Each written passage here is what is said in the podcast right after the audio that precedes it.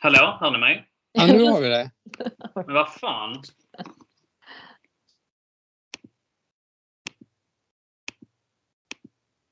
Vad, vad hände här då? Det hörs ingenting. Det ser ut som att hon en djup suck. Ja. Hör du mig? ja, jag hör. Hör du mig Fredrik? Nu har jag det. Ja, då kör vi innan. Uh, nu får du bära eller brist. Jag kopplade ur och kopplade in Spännande. micken bara. Vad konstigt. Ja, jag hörde er hela tiden. Ja, nåväl. Ja. Nu kör vi. Får vi se vad det blir.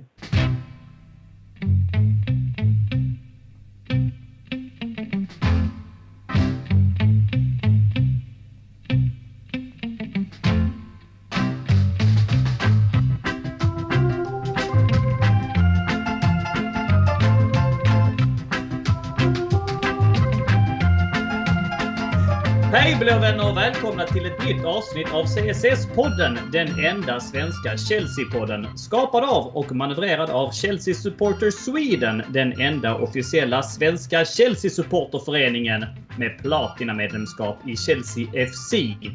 Och vi har gjort som Premier League och tagit lite uppehåll. Men nu är vi tillbaka med buller och bång för jävlar vad kul det är att vara tillbaka. Ja, oj, oj, oj vad jag har sett fram emot detta avsnitt. Den entusiastiska rösten du hör babbla på just nu, den tillhör mig, Daniel Joannou. Eller Donny, som jag också kallas.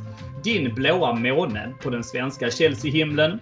Och med mig har jag inte bara en utan två stjärnor. Först ut Headlines stolthet Fredrik Pavlidis. Eh, Fredrik, du är ju eh, ganska frekvent återkommande sedan CSS-poddens begynnelse får man ju stolt säga.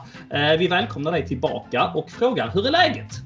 Jo tack, det är fint här uppe. Jag sitter ju uppe i Stockholm och eh, där har vi det lite halvslaskigt, lite halvkallt eh, om vartannat. Eh, men eh, ja, värmer mig eh, snart åt Chelsea-matcher igen i alla fall. Ja, det får man göra. Här i Skåneland har det varit fint väder idag. Nästan så att eh, våren har gläntat lite grann på dörren. Men innan vi börjar prata väder och vind allt för mycket tänker jag att jag ska introducera den andra stjärnan som faktiskt gör CSS-podden debut idag. Det är ju enormt stort. eh, ja, eh, nåväl. Kvinnan i fråga behövs, eh, behöver egentligen inte någon längre presentation i dessa sammanhang. Eh, välkommen till CSS-podden hälsar vi Frida Fagerlund. Hur är det med dig? Eh, Tack så mycket. Det är bara fint med mig. Om jag nu ska fylla i någonting av vädret så är det väl att eh, det är typ, eh, ja vad kan det vara, 8-9 grader här i London. Det var ett ovanligt fint väder faktiskt hela januari och nu inledningsvis på februari. Så att jag har ingenting att klaga på faktiskt. Var Se har du i London förresten?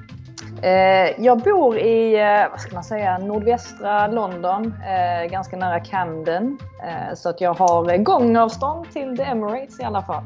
Det är ganska härligt att ha nära till, till en arena. Har du varit på Emirates, Fredrik? Eh, nej, faktiskt inte. Faktiskt Var du på inte. Highbury? Ja, ja, ja. men eh, det, är, det var ju några år sedan det. Det var några år sedan, ja. Restriktionerna lättar. I Skåne skiner solen fortfarande. Efter en lång, lång vinter börjar vi hitta tillbaka till glädjen och var inte bättre då än att få prata Emirates, Highbury och framförallt Chelsea i en timme. Med de orden slänger vi oss in i avsnittet. Vet ni det? Kära lyssnare, välkomna till avsnitt 135 av CSS-podden.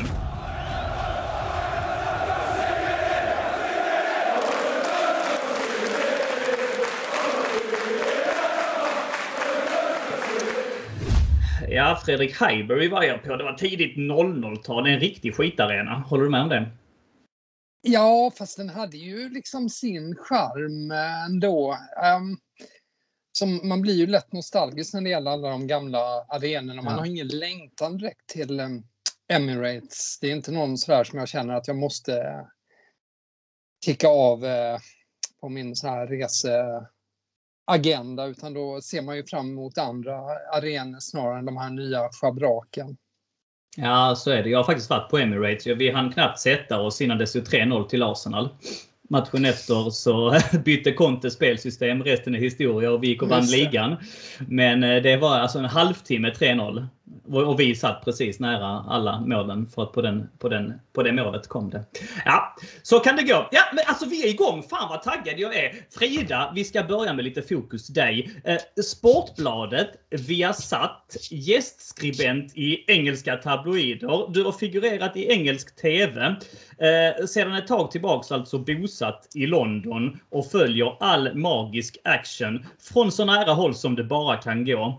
Eh, jag följer ju dig både på Instagram och Twitter och det är ju pressläktare och presskonferenser och spelarintervjuer. Det är fotboll mest hela tiden som varvas med något pubbesök då och då. och till och med då är det ju någon match på TV, eller hur? Eh, känns detta som en rättvis skildring av din vardag? Eh, eller hur ser egentligen en typisk dag ut i, i ditt liv? Jag vet inte, det låter som ett drömliv när du lägger upp det sådär. Och... Ja, men det är det nog för många av oss som lyssnar på den här podden ska jag säga dig. Ja, det är ju det är lite speciell vardag om man säger så. Eh, hur en vanlig dag ser ut? Ja, jag vaknar ju ganska tidigt på morgonen för att jag är mer en morgonmänniska än kvällsmänniska.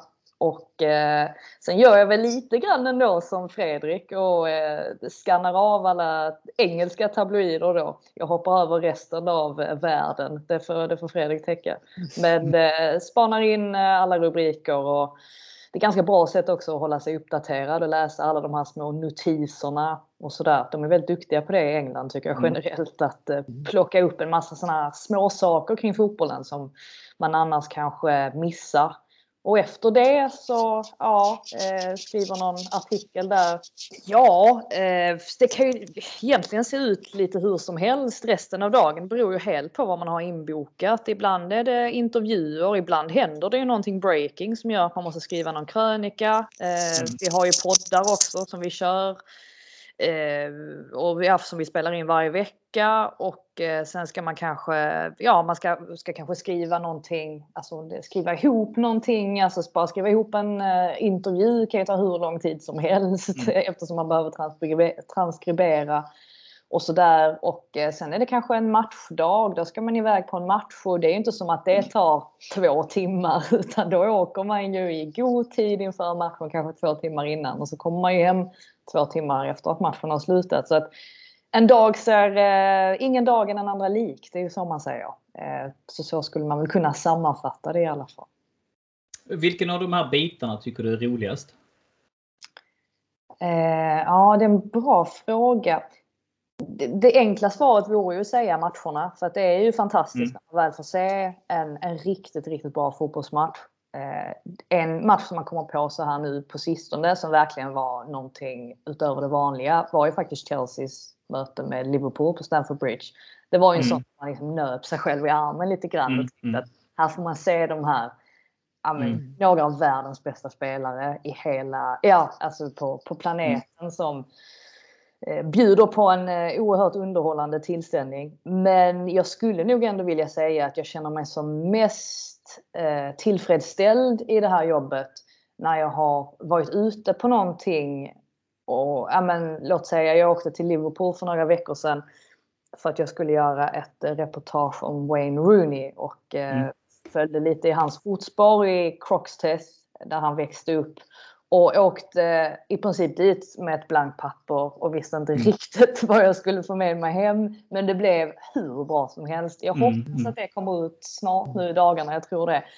Um, och, det var en sån grej, det tog ganska lång tid att skriva ihop och sådär. Men när man är klar med det, alltså oavsett hur det kommer att tas emot, när man känner sig själv, eh, när man känner sig nöjd själv med vad man har gjort och, mm. och tänker att jag hade inte kunnat få ut mer av det här.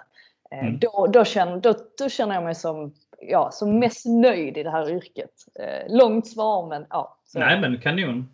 Men det, det, kan du väl relatera till också? Fredrik var just det här sista som Frida eh, säger också. Det kan ju till och med jag relatera till som är på en helt annan nivå än er. Men alltså just det här när man gått in för någonting. Jag skrev en rätt uttömmande reseskildring nu i höstas när mm, jag var på Brentford borta. Jag precis, alltså, när man då trycker post där och känner att jag brukar alltid lägga upp det väldigt sent på natten. Sen stänger jag av telefonen och så går man in och kanske läser de inledande kommentarerna. Alltså lite så, man är ju lite sån ändå att man säger att man inte bryr sig om feedbacken men så gör man det ändå lite grann. Va? Alltså, men alltså just när, när man trycker post att ja, nej, nu är det, nu är det färdigt. Nu, eh, det här blev så bra det kunde bli. Liksom. Den känslan är rätt härlig, eller hur?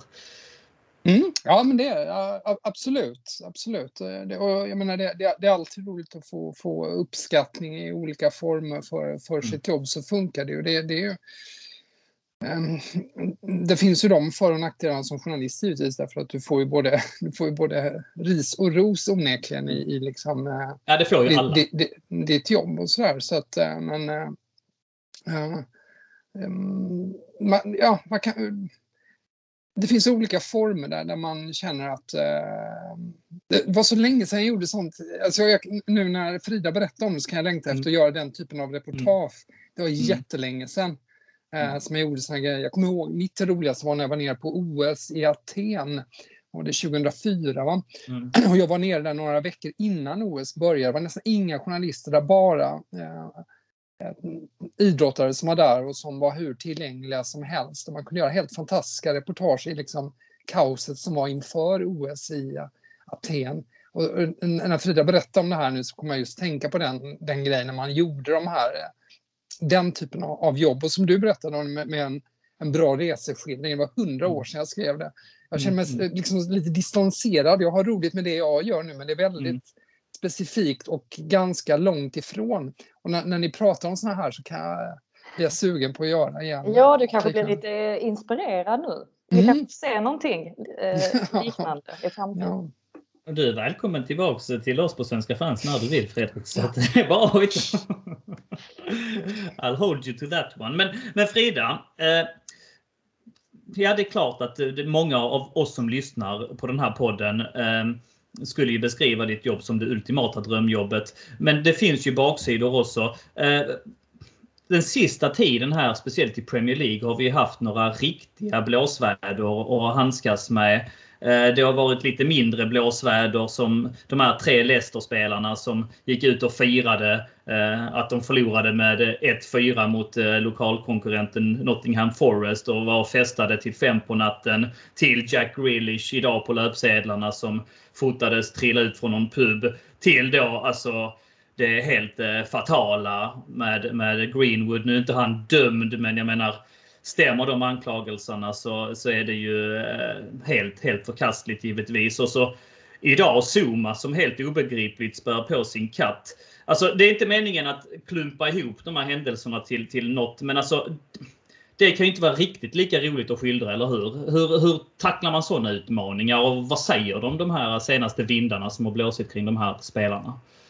Jag lyssnade på eh, Talksport idag som eh, jag i alla fall eh, tycker är väldigt underhållande. Eh, och de berörde givetvis det här med Kurzuma under väldigt många timmar och de hade en kvinnlig Arsenal-supporter som ringde in. Det är alltid så kul att de, de lägger alltid till vilket lag alla som ringer in håller på. Det, mm. det är väldigt viktigt på den kanalen.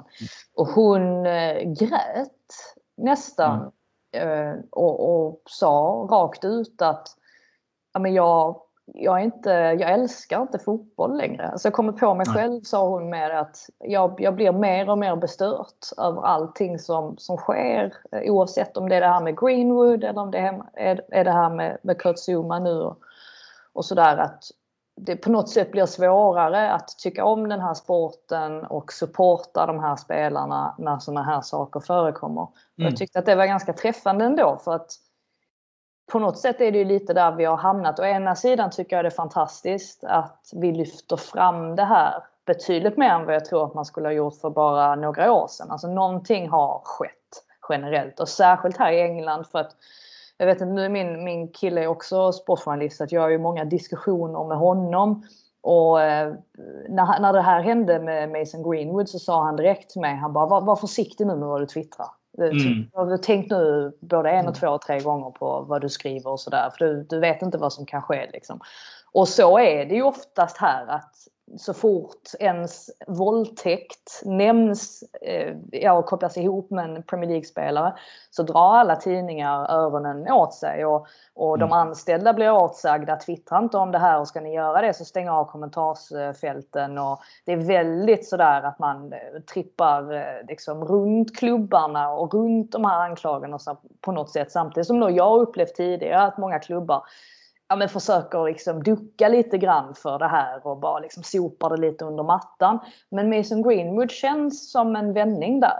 Det känns mm. faktiskt som att för första gången någonsin så är det fler tidningar som faktiskt har satt ner foten och sagt liksom att ja, men nu får det vara nog och vi måste mm. ta seriöst på detta och det förekommer alldeles för mycket ja, men kvinnovåld bland fotbollsspelare som absolut inte är okej. Okay. Och det, mm. det, spelar ingen roll om det har ju varit både högertidningar och eh, utnämnda vänstertidningar och mitten och alltihopa. Så där tycker jag, där tycker jag att man ser en, en tydlig skillnad jämfört med tidigare. Och det gör mig väldigt glad för att sådana här saker, oavsett om det är djurplågeri eller eh, ja, våld i hemmet, det förekommer ju i alla branscher och eh, inom ja, med alla mm. samhällsgrupper. Men det är mm. viktigt att vi lyfter fram det, alltså vi som är inom sporten fotboll, där ska det inte få förekomma. Och sådana här saker tror jag Eh, kommer, för, alltså, kommer vara väldigt viktiga på sikt också för att ser en, en annan ung spelare, att Mason Greenwood, han får, eh, han får sina sponsorer indragna, alla hans mm. lagkamrater slutar följa honom på Instagram för att han misstänks för en sån här sak. Det är väl klart att den spelaren, i alla fall förhoppningsvis, kommer att tänka mm. sig för innan han gör någonting liknande. Så att vi, ser att, att vi tar seriöst på det. Jag tycker bara det är en, en, en oerhört viktig Eh, början på att få stopp på det här. Absolut. Fredrik, vad var det Mourinho sa en gång i tiden? Minns du det? Sluta idolisera fotbollsspelare. Hylla doktorerna och eh, advokaterna mm. istället. Va? Något i den Astronauterna, vad var den? Forskarna? Något i den stilen. Ja, ja. Tillägg gärna dina tankar kring den här diskussionen. Det finns, det finns ju... Det, det, det, är svårt. Kurt Schumann till exempel berörde mig mycket. Och det, det faller ju inom en eh, inom, det finns två olika sfärer här. Dels finns det ju den, min rent yrkesmässiga som journalist, hur man handskas med och om man ser det rent objektivt. Precis det som Frida tog upp, att det här är ändå bra grejer att det lyfts fram på det sättet att du får den exponering, den, de effekterna det faktiskt får. Eh, sen så ska vi som sagt, ingen, ingen är ju dömd i det här fallet ännu, så man, man måste ju liksom vara, vara försiktig med det, men, men det, det är väldigt rimligt alltihopa. Eh, sen, sen är det väldigt svårt det där med, jag, jag tänker på dig Daniel, med, med, med, till exempel Kurt Schuma här, som man alltid har lärt känna som mm. den här härliga killen. Han heter till och med Happy i mellannamn och eh, har alltid varit, verkat otroligt skön. Han, han hade ju lite kultstatus ändå i, oh ja. i Chelsea och så vidare. Och bara en sån här grej förändrar ju allting. För det är vissa, vissa saker berör ju mer än annat också.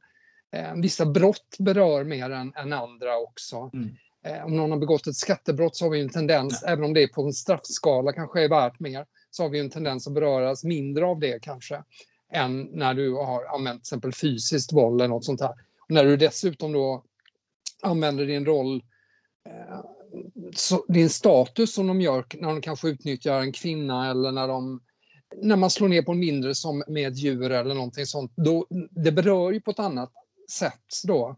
Och jag, jag känner mig jättepåverkad av det med, med, med Kurt Schumann just därför att man, jag hade ju en, och, jag menar, en bra relation till honom yeah. ur mitt Chelsea-perspektiv mm. då. Jag tycker det var mm. kul att det har gått bra för honom. Han, det, det är en kille jag gillar, han verkar vara skön.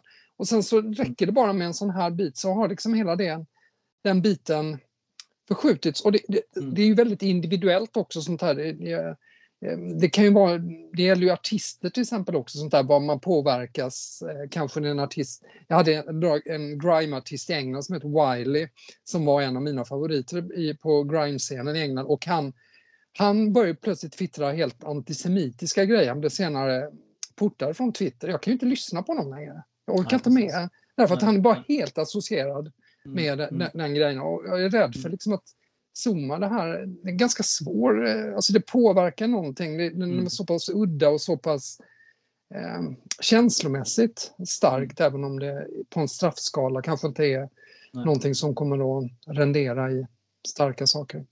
Nej, nej, jag håller med helt och hållet och jag tycker man har varit väldigt eh, konstigt selektiv i engelsk press där när jag då trillar in på Daily Mail idag och ser att huvudrubriken är att Jack Grealish trillar ut från någon pub. Eh, alltså, då, alltså där, jag kan inte bry mig mindre. Ifall jag ska vara ärlig så, alltså det, det, det, påverkar inte mig att eh, Ross Barkley sitter och käkar chips i någon taxi. Jag tycker snarare det visar att de är lite mänskliga. Så länge de inte har liksom... Alltså låt dem bli packade någon gång. Måste ni vara där med kamerorna ska vi sälja lösnummer på det. Mm. Liksom. Det tycker jag bara blir, blir löjligt. Jag har också varit packad. Jag har också gjort liksom, grejer på fyllan som man ångrar och så vidare. Men när du... Alltså, det finns ingen ursäkt för att fota en katt genom vardagsrumsbordet. Det finns ingen ursäkt om nu det här, de här anklagelserna stämmer mot, mot Mason Greenwood. Där är man ju snarare exponera dem, få ut det. Där, där, det finns liksom ingenting förmildrande kring det. Va? Och det är det som du säger när man då har byggt upp en relation. Och jag tänker det kanske är intressant ur Fridas perspektiv också för hon träffar ju de här spelarna. Kanske inte just de här i, i, i, eh, nämnda men hon kommer ju närmare dem på ett annat sätt och får ju också en viss bild av dem. Eh, som kanske då liksom helt strider mot, mot, eh, mot det här. Och det som du säger Fredrik, det kan ju rasera en hel, alltså hela ens uppfattning om en spelare är också sådana exempel. Så att eh, Ja, vi får väl se ifall det landar i någonting här och ifall det kanske är någon ny form av fotbollens metoo som eh, Martin Samuel i Daily Mail skrev. Eh, tror du det kan bli något sånt Frida? Ja, nu tror jag väl i och för sig att eh, det var ju hon som skrev det. Eh, Amanda, usch, vad heter hon? Amanda, ja, precis. Ja, det var Daily Mail-artikel i alla fall. Ja. Ja, eh, något, något efternamn på K som jag ja. totalt har glömt bort nu. Mm. Och eh, ja, men jag tror väl kanske mer att det i så fall handlar om att, jag menar, att vi inom branschen, att man vågar prata om det. Alltså att det, mm. det, mer, handlar, det mer handlar om det. Eh, det är väl klart att man, man önskar att offren ska våga prata om det mer.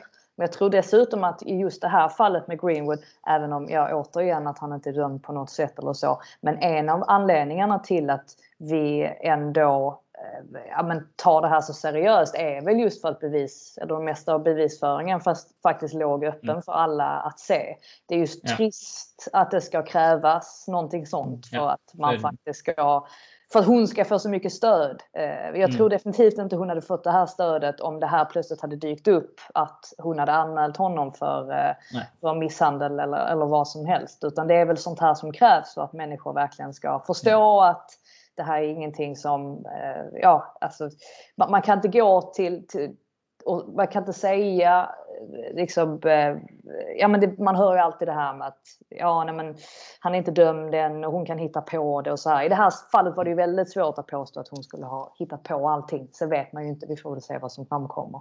Men eh, det är väl i så fall det jag önskar att man kanske vågar. Man kanske vågar säga att journalister vågar skriva om det mer, men också att allmänheten kanske inte direkt går ut och, och liksom går i försvarsställning för spelarna. Att man kanske mer försöker liksom tänka på offret och försöker ändå hålla sig objektiv eh, under mm. hela grejen. Det, det, ja. det, finns, precis som du är inne på, det finns ju så många olika aspekter av det hela. Jag kan, och jag kan ju också tycka att det, det, är intressant också att se hur, om det här påverkar också att klubbarna blir mer medvetna om konsekvenserna av det här och också känner sig tvingade att agera så som Ajax gjorde med till exempel Mark Overmars nu. Det var ju, gick ju hiskeligt snabbt och mm. tydligt och mm. eh, självklart på något sätt. Utan mm. Det var inga krusiduller där utan det var bara nej.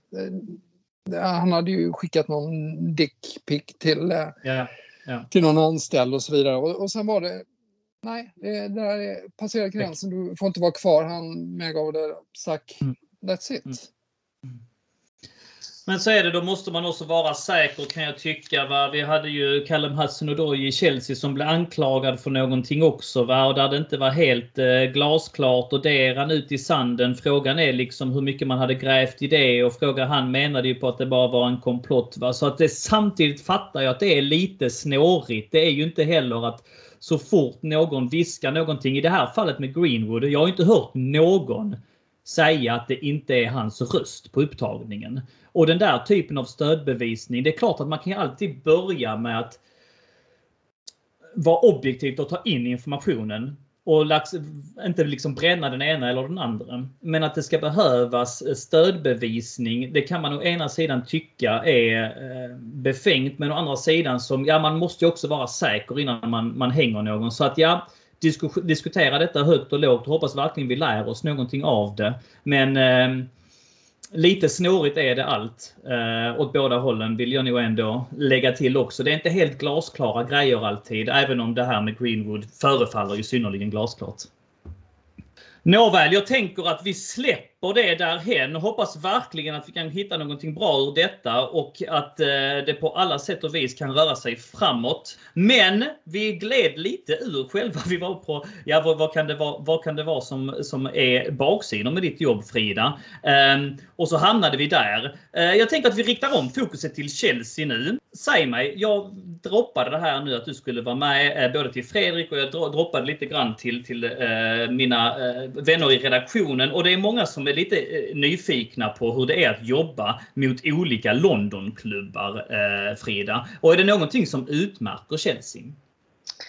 Ja, jag känner mig lite sådär biased ändå för att jag umgås mm. ganska nära med eh, ett par som jobbar i mediateamet. Så att jag har givetvis en väldigt bra bild av Chelsea, Chelseas presssida då.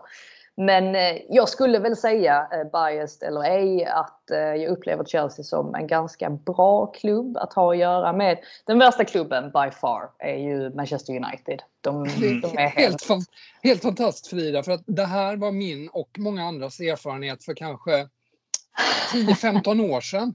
Mm. När jag ja. jobbade mot dem lite helt jävla hopplösa. Jag kunde inte ens få ja. tag i pressansvarig där. Utan det, det, alltså, det, då var när jag jobbade på DN och det, det, var en helt hopplös klubb. Det är bara fascinerande att, att de fortfarande... Liksom, ja, men precis. Det, det, är ju, mm. det sitter ju i från Sir Alex dagar eh, fortfarande. Och hon som är fortfarande är presschef, hon har ju varit där sedan Sir Alex och har väl varit på väg att lämna under ett par tillfällen. Jag fick faktiskt höra, detta är lite så här skvaller, men David Moyes planerade att göra sig av med henne. Men sen så fick ju han sparken och då blev hon kvar.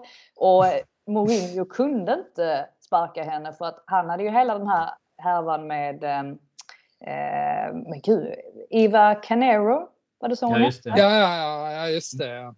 Och, Läkaren. Ja precis, mm. att det skulle inte se bra ut för hans att göra sig av med ännu en kvinnlig, kvinnlig eh, anställd. Så därför mm. blir hon också kvar. Så hon har överlevt eh, en rad massa managers nu. Eh, men det, de flesta som särskilt eh, alltså mina kompisar och kollegor som är liksom rena Man United-reportrar säger ju att någonting måste, någonting måste göras. För de fattar inte riktigt ja, men alltså vad man kan, eh, ja, men hur man kan behandla media. Och det handlar ju inte om att de begär en massa saker för att det gör ju typ ingen här. Alltså ingen engelsk journalist. De har ju lärt sig att ja, men det, man, man, får inte så jättemånga intervjuer och sånt per år eh, och så är det bara. Men Man United är på en helt annan nivå. Eh, sen måste jag ändå ge henne att de var väldigt bra nu när det här med Lindelöf inträffade.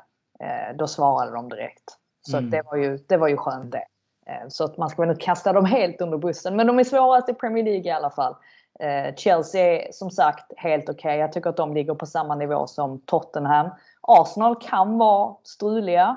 Eh, de har lite sådana här konstiga regler som att ja, men har en spelare hoppat in i en match då kan han absolut inte göra tv-intervjuer efteråt. Och det är ju det är ju lite sådär. Har, har då min stackars norska kollega åkt ända från Oslo för att få en intervju med Ödegård efter matchen och han då inte kan göra det, han kan inte avvara de tre minuterna. Då kan man ju känna lite att, ja, är inte det lite overkill? Så de är inte, de är inte alltid hjälpsamma på så vis. Men eh, ja, Chelsea som sagt, helt okej okay för att vara en stor klubb i Premier League. Då, för att bara ta upp tråden där med, med det här med eh, med journalisterna. Då. Vi, vi eh, har ju alltid liksom upplevt, eh, det, det är ju så påtagligt i eh, supporterkretsar, inte bara Chelseas, även i andra lags, men inte minst Chelseas, att man upplever det som en anti-Chelsea-stämning bland många journalister eller experter i tv och, och sånt där. Upplever du något sådant, att vissa journalister är påtagligt anti eller eh, så? Absolut inte. Mm. Jag tror att det där är en sak som eh, vi måste börja släppa lite grann generellt. Eh, att, att man ofta kan få för sig att ja, men den här personen eller den här experten ogillar min klubb jättemycket och så är det det enda man hör konstant. De, man får komma ihåg det att de flesta reportrar som men, arbetar med Chelsea och, och skriver om deras matcher, det är ju reportrar som bara gör detta. Eh, alltså att man har dedikerade, mm. sub, eh, dedikerade reportrar som enbart arbetar mot ett lag.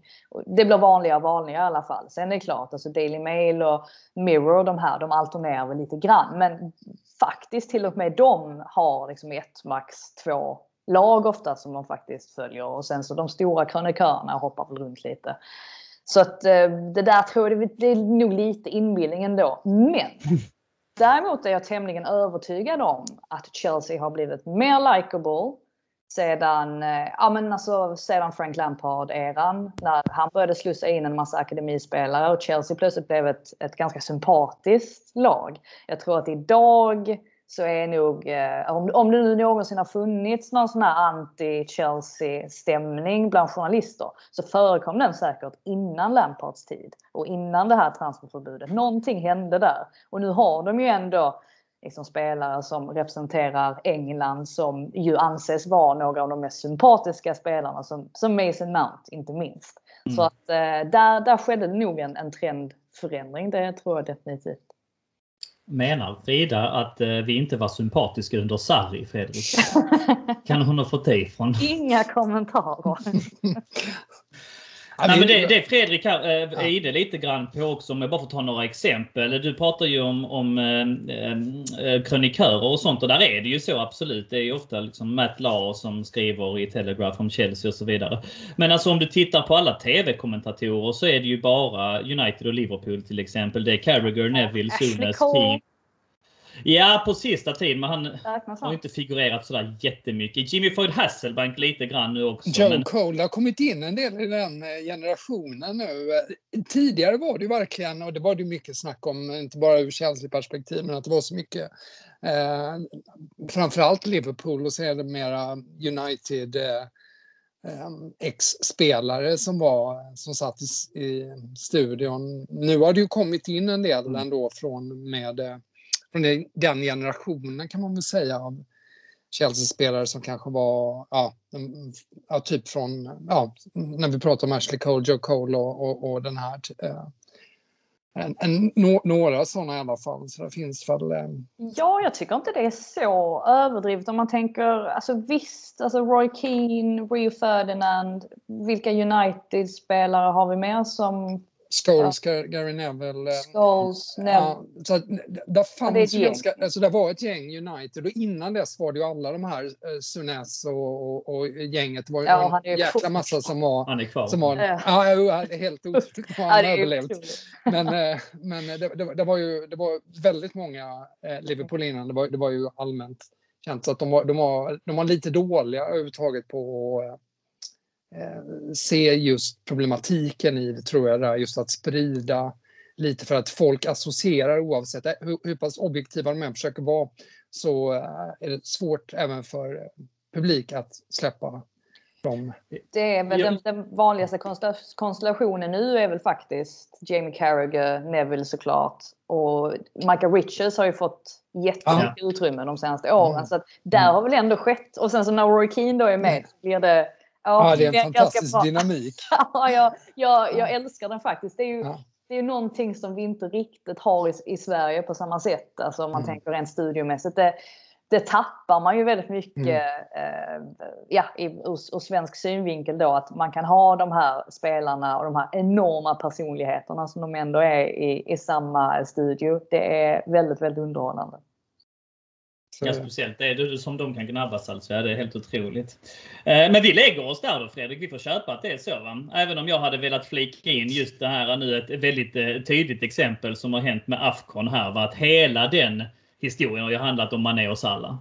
Det har ju bara pratats om hur fantastiska Mané och Salah har varit i engelsk press hela tiden och eh, att Salah skulle ta den sista straffen och, och Mané fick avgöra och, eh, och vad de har hyllat dem har någon nämnt att Mendy tog liksom och höll nollan fem matcher av sju, släppte in två bollar, tog den avgörande straffen och så vidare. Nåväl, nej, nej, jag ska inte bli sån. jag hör ju mig själv.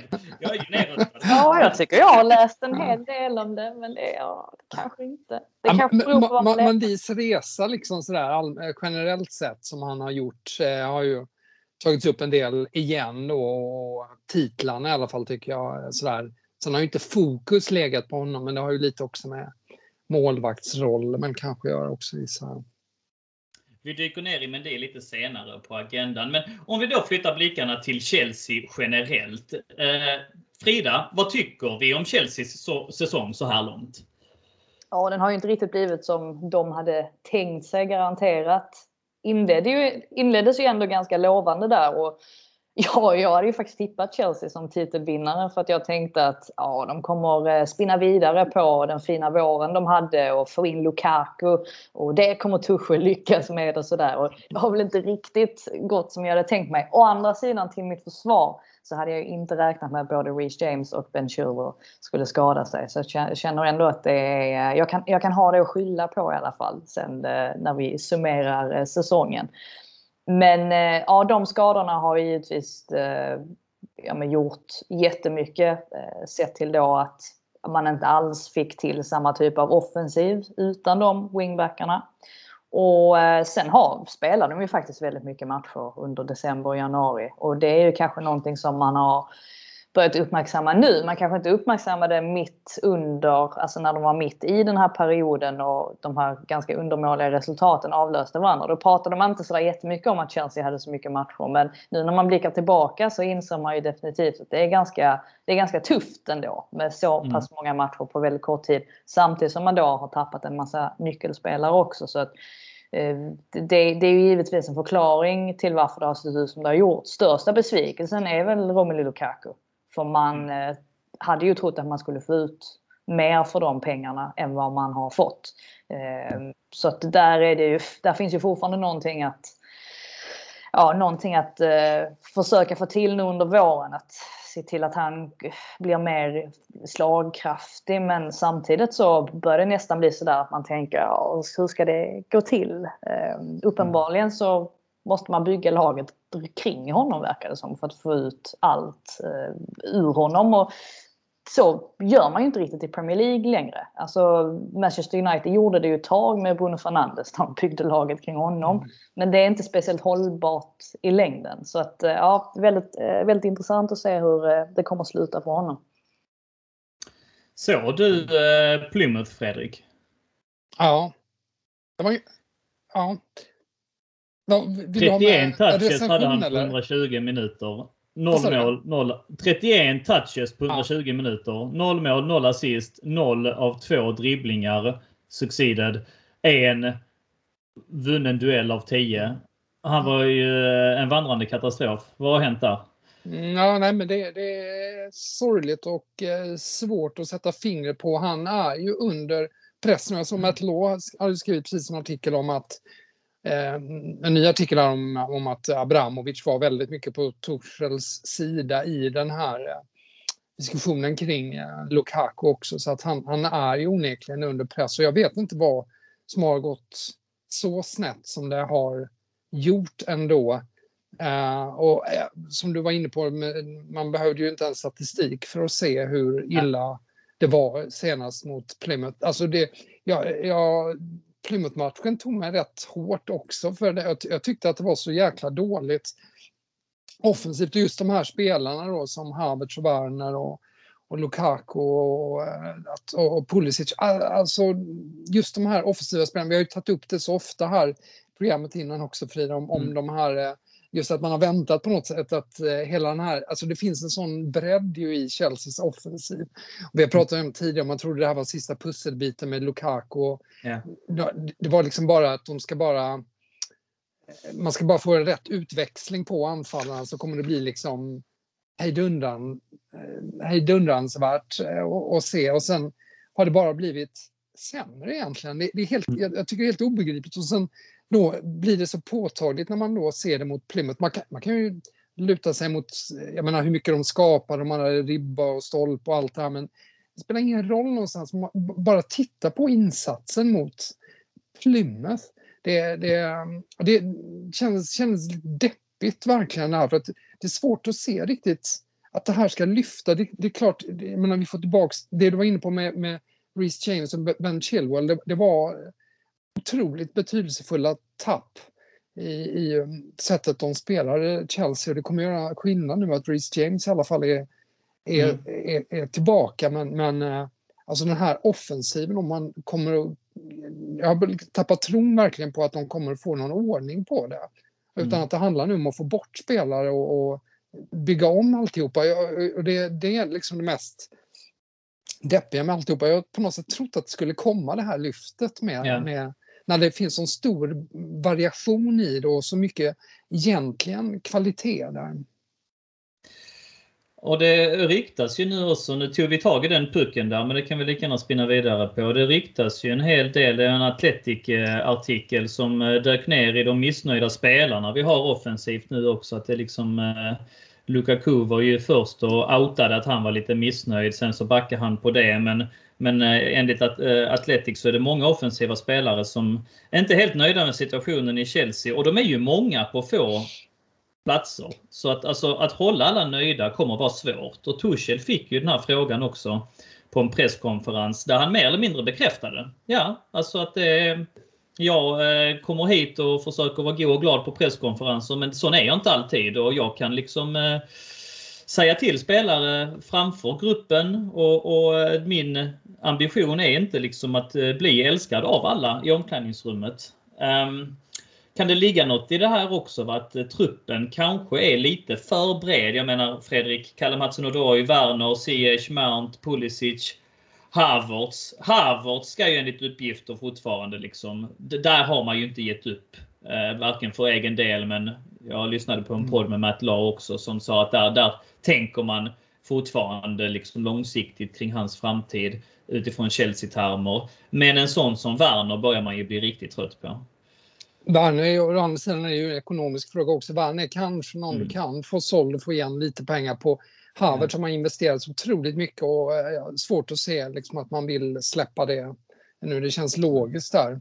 Eh, jag, jag, samtidigt ska man också vara medveten om det här. Jag menar, när, de, när The Athletic skrev första gången om missnöje i anfallet, då var det en paragraf ungefär tio stycken ner i artikeln det är mm. ingen grej som de från början la så stor Nej. vikt vid. Men sen så kom ju jag och en del andra journalister ja. och läste igenom och rotade upp och så, oho, här har vi något att lyfta. Det är ju lite mm. så det funkar. När det är motigt mm. så uppmärksammas ju det här. Att det, och det, ja. Vilket är helt naturligt att en del kanske inte är så nöjda. Och sen har de rumsterat om lite. Det, det, det är inte svårt att se liksom att det är...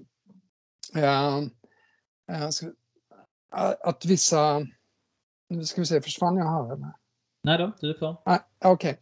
Okay. Eh, alltså vilka spelare det kan gälla då som eh, Lukaku och Pulisic har ju också uttryckt sig lite att han mm. var lite missnöjd att hamna i konstiga positioner och gissningsvis Ziyech också och så vidare. Men jag, jag, det finns inga, jag har inte sett egentligen några indikationer på att det skulle vara något allvarligt mer än att det är lite generellt motigt liksom.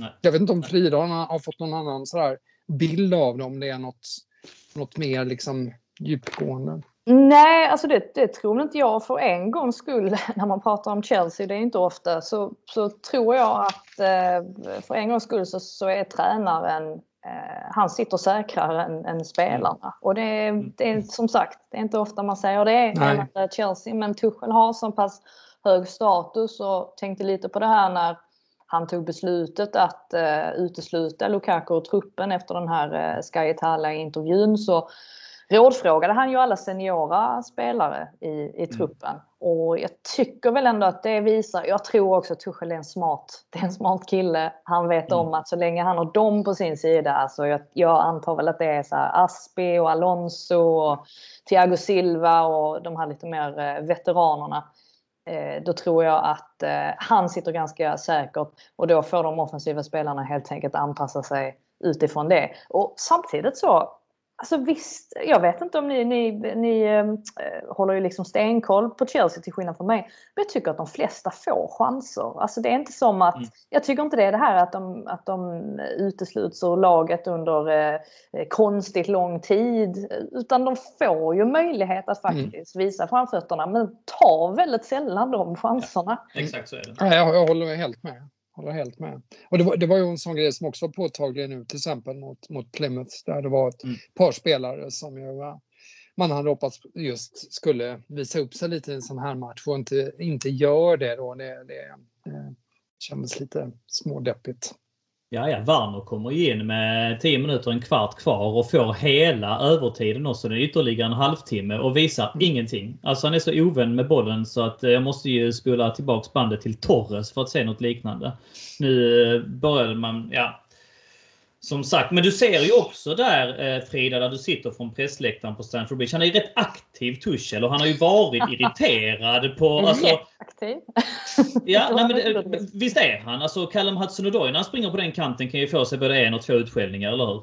Det, det kan uh, spelaren på andra sidan planen också. Han, uh, ja, han är, han är helt, han är ju definitivt alltså den den galnaste tränaren i Premier League. Och det säger jag med Conte i ligan också. Alltså, Intressant är, ja, ja, att han uppfattas med också. Ja. ja, han är fullständigt... Eh, de enda gångerna jag upplever att han faktiskt har hållit sig lugn, det, det var nu, nu minns jag inte exakt vilken match det var, nu på slutet här när det hade varit jätteintensivt och de inte riktigt kom upp i nivå. Det var det nästan som att han bara accepterade att nej, vi, vi är för trötta mentalt och psykiskt. Eh, jag sätter mig ner. Det, det. Finns ingen, det, finns ingen, eh, det, det, finns ingen mening med att jag ska stå här och skrika. Men vanligtvis så ser man ju verkligen att det ger resultat. Och de han brukar skrika på mest, och det indikerar ju också att de är väldigt viktiga för att spelsystemet ska fungera, det är ju wingbackarna.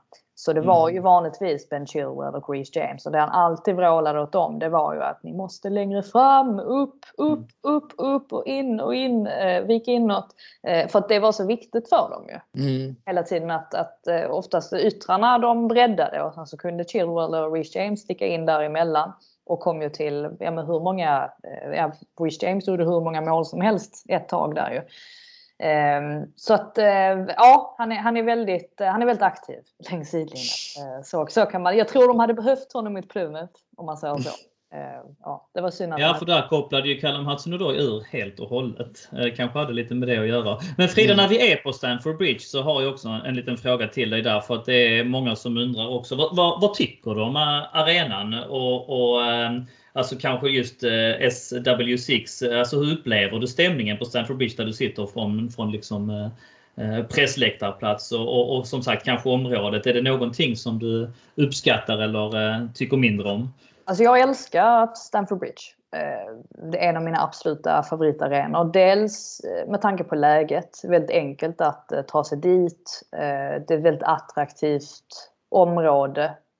Ja, alltså väldigt fint generellt. Jag gillar arenan också. Den är väldigt kompakt. Tycker att det är någonting man saknar på mm. ett gäng andra arenor. Eh, Brentford ska man dock eh, lyfta fram för att de har verkligen lyckats få till den här kompakta känslan trots att det är nybyggt. Och det är ju det man, vill, det är det man är ute efter. Vi pratade mm. om The Emirates tidigare och även om jag tycker väldigt mycket om The Emirates så är det någonting med den arenan som inte riktigt stämmer den är inte kompakt. Nej, den är inte kompakt. Nej. Den är inte, det är som att alltså, akustiken blir lite märklig. Men här på Stamford Bridge så blir det ju verkligen som att man sitter, man sitter så när man kommer så nära allting. Och särskilt då pressläktaren som är ja, men bara liksom ett par rader upp från avbytarbänken. Och när man är så här, eh, de gångerna jag jobbar för eh, Viaplay så sitter jag ju typ två rader ifrån Alltså avbytarna, alltså man kommer så oerhört nära. Eh, och inte minst då Tuchel, alltså man hör hans utbrott eh, väldigt eh, så mm. distinkt. Så att jag gillar allting kring arenan och, på, och, så här och på arenan. Sen är väl inte stämningen, det är ju inte en av de bästa i ligan. Alltså så är det bara. Och det har väl att göra med höga biljettpriser vilket eh, gör att en stor andel av de som går på matcherna är ju turister. Och det ser man ju ganska tydligt också alltså på, på de sektionerna som är nära en. Att det här är ju folk med shoppingkassar och liksom, som tar hur mycket bilder som helst som ju aldrig har varit där tidigare. Och sen så finns det ju de liksom sjoken av sektionerna som verkligen är de här dedikerade supportrarna. Och lite fint också för att nära pressläktaren så sitter det ett gäng årskortsinnehavare och av det lite sen- mer seniora slaget. Och det är, Mm. det är alltid så mysigt för det är alltid samma människor. Så man har liksom, man har ju memorerat dem nu. Eh, så att de, de sitter ju där. Men stämningsmässigt, det, det kan vara bra. Eh, men i- ibland är det så pass mycket turister att man, att man märker av det. Så skulle man väl kunna sammanfatta. Jag tror nog inte det. Jag tror nog faktiskt att det är lite ändå mindre turister än vad det är på exempelvis Old Trafford eller eh, kanske till och med i viss mån eh, ja, andra storlagsarenor, Manchester City. Eh, just där, där du sitter på East har ju också en stor familjesektion som eh, jag brukar sitta med min familj. Och det är rätt mycket årskort där på motsatt sida också. Sen har vi Matthew Harding. Men eh, nej, men det är intressant. Jag tror också det är så här Alltså mot Plymouth i, i FA-cupen, tidig avspark, är det nog svårt att få igång något eh, jättetagg. Va? Men eh, jag har ju varit på matcher på sena avsparkar på lördagar där det kan vara kanonstämning också. Så det är nog lite, Ja, lite högt. Men, mm. Det var, det var Jag delar bilden om att det är absolut inte bäst, men det är inte heller, det är liksom inte heller sämst. Eh, Nej, det, det, var, det var ingen sågning eh, så. Det, det är väl mest att man...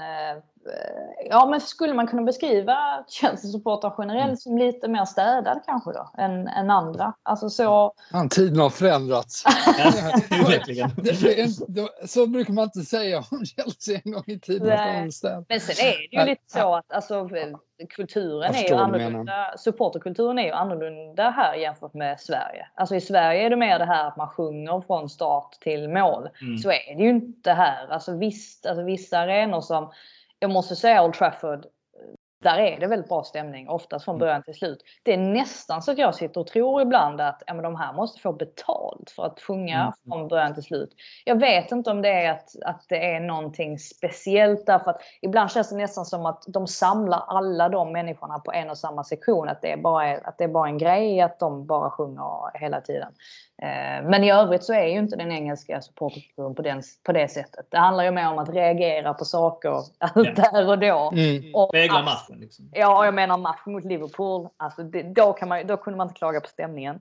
Om man säger Nej, så. nej, det kan jag tänka mig. Ja. Jag tycker ju det har en viss charm också, men nåväl. Eh, vi hoppar bort från eh, Stamford Bridge och det var bara ett sidospår. Jag vill fortsätta eh, prata om Chelsea. Eh, om vi nu pratade lite lågt innan att vi var besvikna med Lukaku. Eh, är det någonting som har imponerat Frida på dig? Eh, eller jag omformulerar den frågan. Vad har imponerat på dig mest med Chelsea i år då? ja, alltså det var väl fram till deras skador så var det väl Chilwell och, och James framförallt som stack Mm. ut. Men försvaret i sin helhet tycker jag ändå fortfarande imponerar. Och eh, jag är ju ja, så förtjust i Thiago Silva så att eh, det är knappt är sant. Eh, Lite så. Mm. Jag tycker att han Alltså de gångerna han sätter en fot fel, det är nästan som man kan räkna dem på en hand. Alltså för sett över hela säsongen. Han gör så oerhört sällan misstag och eh, måste ju ses som en av Chelseas bästa värvningar. Ja, alltså eh, på väldigt, väldigt länge. Eh, med tanke på att det ändå fanns en viss, en viss, eh, ett visst frågetecken kring honom. Just det här att han hade kommit upp i åren. Man vet ju aldrig riktigt hur en spelare kommer acklimatisera sig till Premier League och sådär. För honom har det ju inte varit några som helst problem. Eh, Så jag skulle väl säga han och sen så är ju Rydiger på, på, sitt, på sitt sätt. Eh, han har ju en liten annan. Jag tycker att Thiago Silva har varit den bästa mittbacken. Sen har Rydiger, han fyller ju en funktion som har blivit väldigt viktig i det här att, ja men hans, hans mentalitet och det här att han ofta hänger med fram och sådär. Det finns ju en vinning att ha den typen av spelare också i, i sitt lag. Så att eh, Mm. försvarsmässigt och wingbacksmässigt fram till skadorna ja, men de bitarna räckte ju väldigt långt ändå för dem. Eh, sen är det ju det där när det ena faller bort, ja men då börjar det andra lätt krackelera också. Där är vi väl helt synkade va Fredrik? Ja, jag håller helt med. Det, det är ju alltså... Jag, jag, det är några spelare som har haft bra perioder under säsongen, men det finns ju ingen som har varit så, så jämn, genuin och strålande som Thiago Silva tycker jag. Alltså vilken, vilken spelare det är. Ehm, jag är otroligt, otroligt imponerad över, eh, över vad han har åstadkommit under sin tid i Chelsea. Helt, helt fascinerad över det. Jag trodde verkligen inte det. Ehm, som Frida var inne på just med, med eh, ehm, alltså varje gång man ser honom så är det, är det man blir tagen liksom av hans elegans och hans timing och Nej, det, jag, jag, jag, tycker verkligen han är outstanding. Mondi kan man ju eh, givetvis nämna i sammanhanget. Mm. Har väl haft... Eh, ja. Några svajiga matcher ändå. Precis, precis. Ändå inte riktigt. Plus att den här liksom, eh, nyhetens behag när, när, när han kom eh, och, och, plötsligt säkrade upp målet blev den här tryggheten. Man söker den här tryggheten i en målvakt. Det ska liksom vara som eh, pappas famn eller någonting. Man vill känna liksom den mm, där mm. Mm. säkerheten som man verkligen inte gjorde med Kepa under den tiden. Och så att det, när han kom så blev det ju, blev det ju så påtagligt. Nu är han liksom en, en stabil, bra målvakt med några dippar, eh, eller haft liksom några missar som du var inne på där Frida. Eh, så att, eh, nej, Thiago Silva är väl den som sticker ut helt klart. Thiago Silva är ju den spelaren i backlinjen alltså, som också det pratades om kontraktsituationen. Men han är ju den enda av de fyra som det var som har nailed his eh, colors to the master och ritat på en förlängning vilket är väldigt betryggande. Men annars har vi fortfarande Rydiger, Christensen och Aspilicuetas kontraktssituationer som hänger i luften just nu. Det kan ju också vara en sån faktor som kan vara där och skava lite grann. Och som du var inne på tidigare Fredrik, när, man, när ett lag är lite grann i motgång så letar man ju ofta de här eh, felen och i pressen och var, ja men det här ligger och skaver här, det här ligger och skaver där och så. Men eh, vad är det senaste Fredrik om de här, den här trions kontraktssituationer? Har du det? Nej, det är, det är inte mycket som konkret som är, det dyker upp lite då och då eh, några halvtaskiga tidningar som, eh, som skriver något om eh, klubbintressen eh, och, och för Kristensen och för Rydiger då, men det, det, är ju de klubbar vi har hört egentligen i stort sett mm. tidigare då. Jag har inte sett någonting riktigt konkret när det gäller varken dem. Sen är ju Aspilicueta situation lite annorlunda då. Men vi kan börja där. Tror, tror du han stannar? Alltså det, det är ja. ju väldigt logiskt om Aspilicueta skulle lämna. Är det nu ja. så som det verkar att det finns ett kontraktsförslag på bordet från Barcelona. Varför vill man då inte gå dit och krita på ett treårskontrakt? Komma dit som den hyllade lagkaptenen för Champions League-vinnarna. Eh, avrunda karriären i, i, i sitt hemland. Eh, där man som sagt är uppskattad och, och, och, kan komma in liksom med en sista utmaning. Återigen ett treårskontrakt istället för att sitta kvar på en squad roll som man har i Chelsea på ett ettårskontrakt. Där dessutom inte alla eh, supportrar uppskattar honom. Va? Och, och, och det, finns, det är lite polariserat kring honom ändå. Många menar att... Ja, his, ja men det är många som menar att His legs is gone och sånt är ju ofta så speciellt nu. Nu hade han en jättebra match mot Plymouth men i, i Reece James eh, frånvaro så har han fått en del skit att han inte alls lyfter den eh, rollen på samma sätt. Så att, eh, nåväl, vi kan väl ha lite olika ingångar men, där. Men sen är det ju bara erbjuden han... ett ettårskontrakt också Precis. i Chelsea. Så att jag, jag, jag, håller med dig. Det finns många, många grejer som talar för en flytt. Men han är ju väldigt rotad i London också. Ja. Det har han ju pratat väldigt mycket eh, själv om också. Ja, senast eh. idag. Han var ju faktiskt ute idag på, på, på presskonferensen och luftades lite grann och då bara adresserade Han fick ju frågan direkt. Jag läser citatet här. I'm not going to speak about my future. I arrived in London in 2012 without kids. My kids mm. were born there. You know how I feel about Chelsea, but I'm not going to comment on the future. Det var det enda han sa.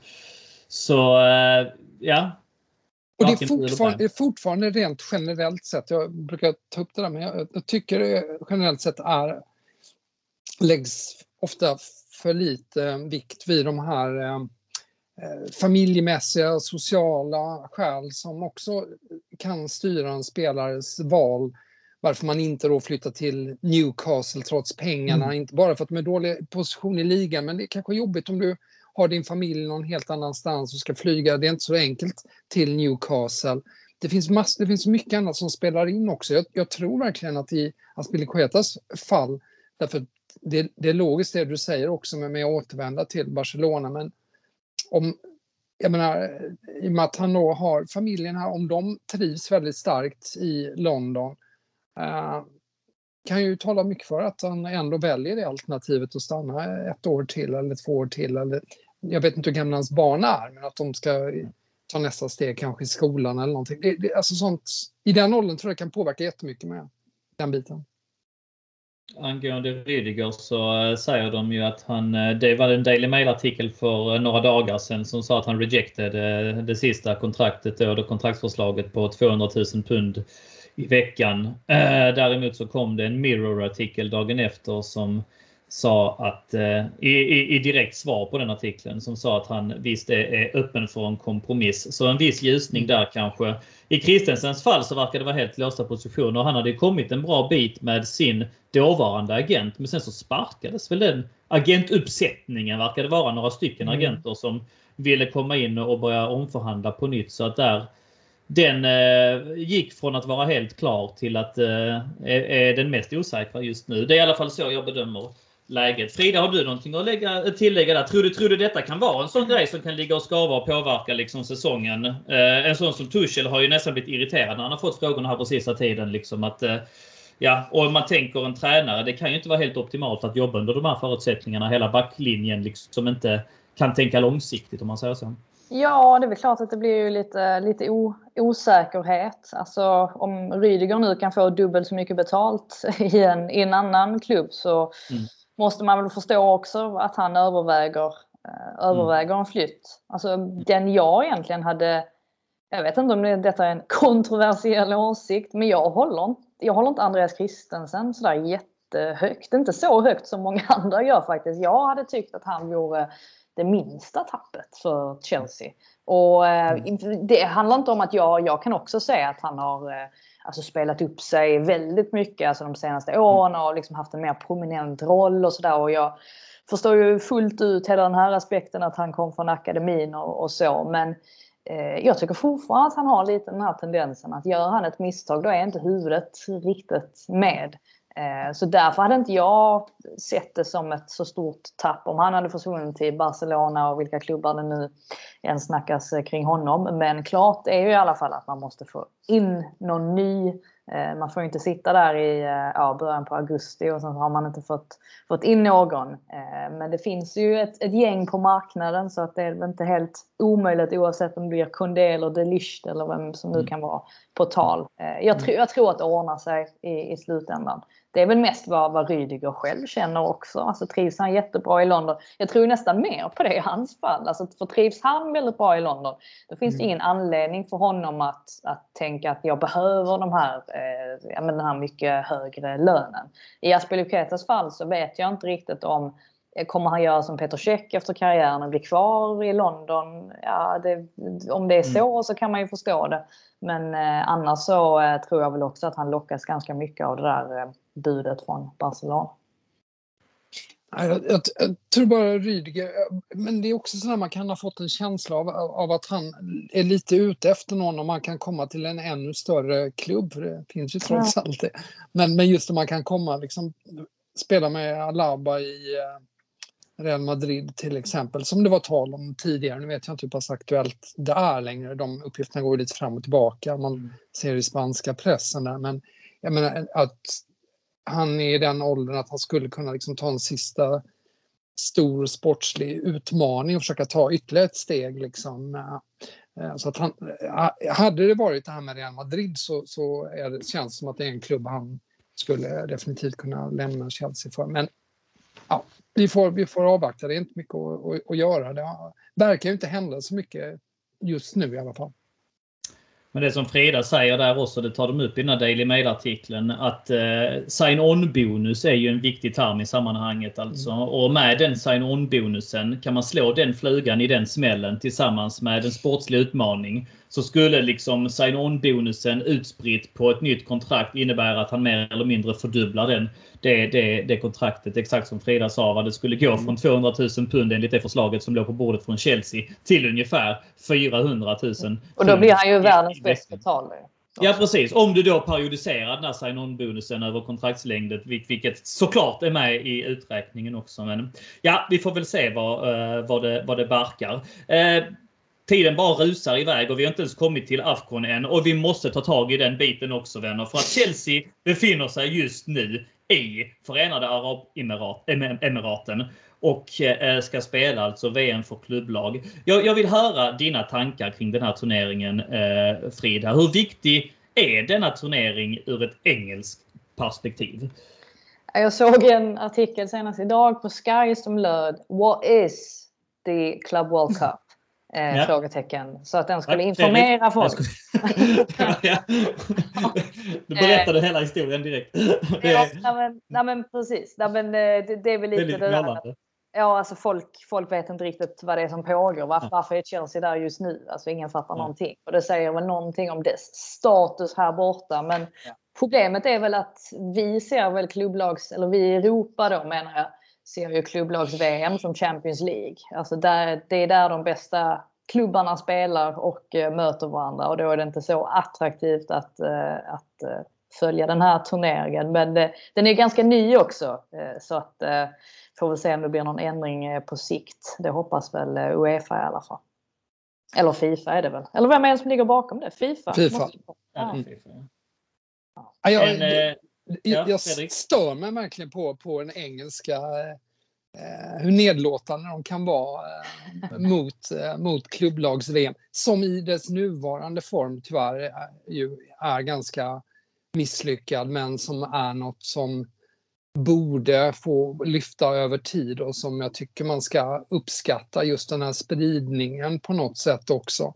Nu är ju, eh, ser ju inte minst, inte minst engelsmännen ju Premier League, men den har ju också blivit som fotbollens mecka. Lite, eh, allting är det de bästa lagen är, de bästa tränarna, de bästa spelarna, allting är ju där. Så att möta eh, Al-Hilal i Förenade Arabemiraten, eh, det det, det köper man nog inte så mycket i, i England. Men jag köper det. Jag, jag, tycker det är skitspännande. Jag tycker det är en jäkligt viktig titel det här. Vi var ju nära på att ta den här titeln Frida. Jag vet inte hur mycket koll vi kan backa tillbaks bandet eh, 10 år och, och eh, säga att vi hade en eh, spansk tränare som heter Rafael Benitez som gjorde sitt bästa för att fibbla bort den. I finalen förlorade vi mot Corinthas efter att bland annat Torres missade ett helt öppet läge och att Gary Cahill blev utvisad i slutet. Minns du det Fredrik? Ja, just det. Så var det. det var David typ... Luiz tårar minns man ju framförallt. Och vi har ju en liknande aspekt att omfamna i den här upplagan. Jag tror det är en jävligt viktig turnering för Thiago Silva. Ja, säk säkerligen. Säkerligen. Det är så otroligt stort där nere. Jag vet inte hur många tusen fans Palmeiras har tagit med sig dit Mm. Eh, de spelar ju nu eh, när vi spelar in det här också. Jag tror de eh, leder det. Men, men mm. de, det, det, är ju, det är var, varje år är det ju alltid de här bilderna som kommer i sociala medier från när brasilianska laget ska resa och det är tusen och tiotusentals åskådare på flygplatsen och ska mm. ta farväl av laget när de ska åka. Och det är ju den här historiska aspekten ju förstås av det som var den här supercupmatchen innan, eller jag kommer inte ihåg vad den hette tidigare när man möttes bara just sydamerikanska och ja, europeiska mästarna och den, mm. det, det, har ju alltid varit så stort i, i Sydamerika det här så att uh, um, men jag, jag, hopp, jag, hoppas den kan växa på något, på något vettigt sätt. Formatet är ju inte bra och eh, sammansättningen är inte bra men, men jag, jag, jag, gillar, jag gillar ju idén egentligen av, av det globala perspektivet på, på, på fotbollen. Och ja. på allting, vi, vi, vi, gillar inte det här borta. Vi, Nej, ja, stängda, stängda och sånt där. Inget för folk.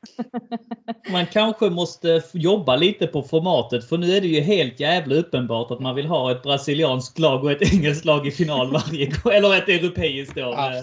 Och, och, och, och ett sydamerikanskt lag varje gång i final. Va? Så att, ehm, ja. Ja, jag vet inte riktigt var jag ställer mig också. Det är ju många supportrar som vill kunna sjunga We've won it all och verkligen mena det. För det här är ju ja. liksom sista så att när man är väl är där så är det väl lika bra att, eh, dra på den stora trumman. Utan Tuchel dock, Fredrik. Ja, då det, det kan man ju... Det känns ju inte helt bra. Jag vet, inte om man, jag vet inte om man kan ansluta sen eh, möjligen. Jo då, idag såg jag, jag såg precis ja. innan vi eh, slängde oss på mickarna här, eh, mm. eh, Zolt Lows presskonferens. Eh, ja. Han skickade ju fram den här Arno Michels eh, inför fa Cup-matchen men, men Zolt Low tog den idag. Och han sa att eh, han, han kommer inte till imorgon. Eh, för att det är imorgon vi, vi spelar mot Al-Hilal heter de va? Men mm. eh, han kan eh, komma att dyka upp till finalen om han ska bara visa ett positivt eller ett negativt eh, PCR-test och sen så ska de försöka paketera honom så gott det går och skicka dit honom.